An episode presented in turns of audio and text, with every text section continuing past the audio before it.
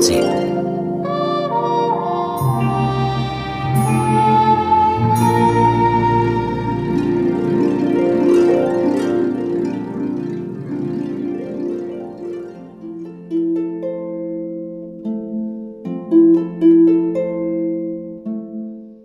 Nekoč je na nanosu živel medved. Toda ni živel v gozdu kot drugi medvedje. Zgodaj spomladi, ko je bil še čisto majhen, se je izgubil. Našel ga je človek in zanj zgradil bivališče, obdano s kovinsko mrežo. Kletka je bila zelo udobna in čista.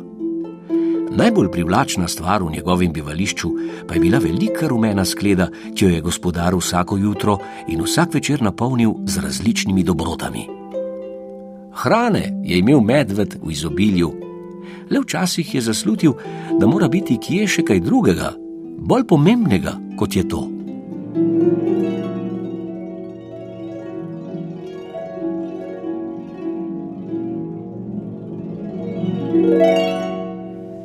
Menili so pomlad, poletje in jesen, in medvedek je iz majhne kepice zrasel v velikega medveda.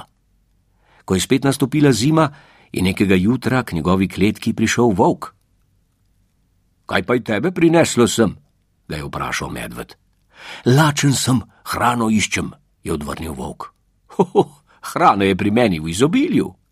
Poglej, manjši si od mene, lahko zležeš skozi tisto luknjo pod mrežo in se dositega daješ, mu je prijazno odvrnil medved. Volk si je nekaj časa ogledoval odprtino, potem pa odkimal. A ne, raje ostanem na prostosti, je rekel.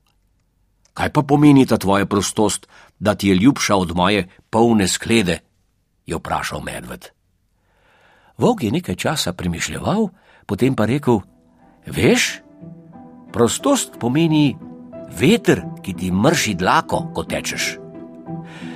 Prostost so bilke v kožuhu, ko se valjaš po travi. Prostost pomeni piti vodo iz potoka. Prostost je šumenje listja pod tacami. In sta tudi lakota in žeja, je pribil medved. Ja, sta tudi lakota in žeja, je odvrnil volk, se obrnil in stekel nazaj v gost. Kmalo pod istem je do medvedove kletke priskakljal zajček. Oho, kaj pa ti iščeš to okoli zajček? je vprašal medved. Lačen sem, sneg je pobelil travnike, nikjer ni dobiti nič za podzob. In tudi žejen sem, vsi potoki so zamrznili, mu je odvrnil zajec. No, le pridi k meni, tukaj se lahko do sitega naješ in napiješ, ga je povabil medved v svojo kletko. Zajček je malo pomislil, potem pa odkimal: Ne, prostosti ne bi zamenjal za tvojo polno skledo, je rekel. Ah, ta tvoja prostost.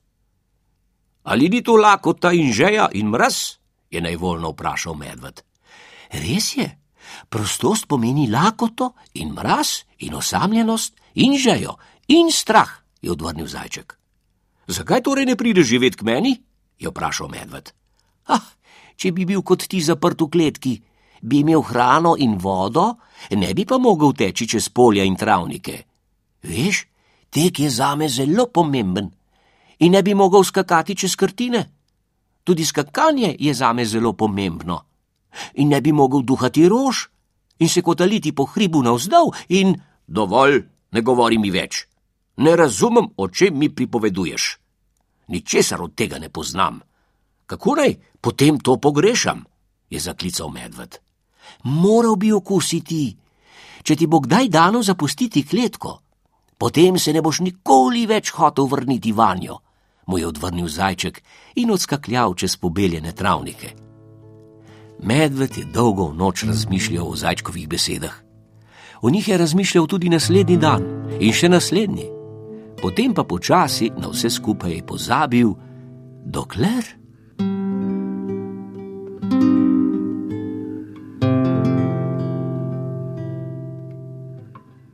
Dokler ni v deželo pod nanosom prišla pomlad.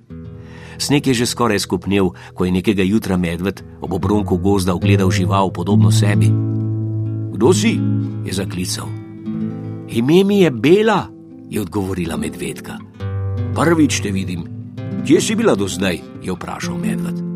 globoko v gozdu imam brlog. V njem sem spala zimsko spanje. Zdaj, ko je zime konec, si moram poiskati hrano. Zato raziskujem svet na nanosu, mu je odgovorila. Medved je poslušal in spet ni ničesar razumel.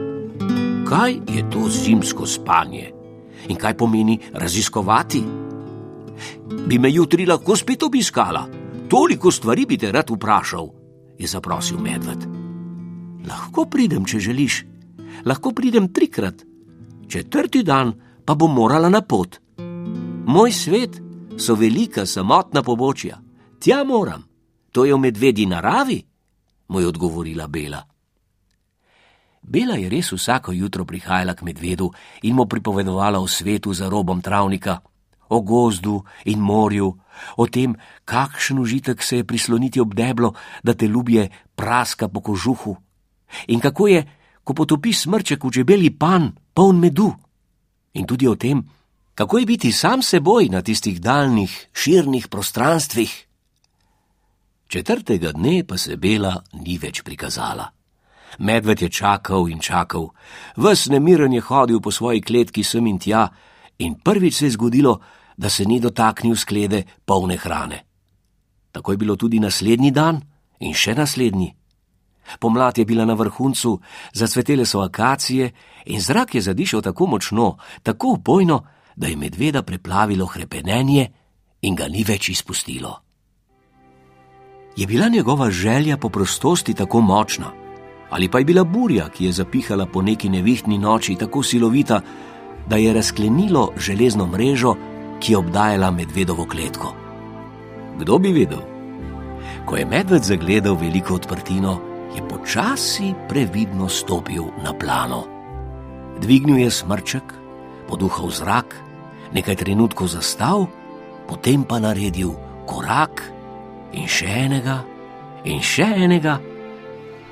Hodil je dan in noč, čez travnike in skozi gozdove, naprej in naprej, vse dokler ni nekega jutra dohitev bele. Od tistega dne naprej sta skupaj odkrivala svet. Pa lahko noč, otroci.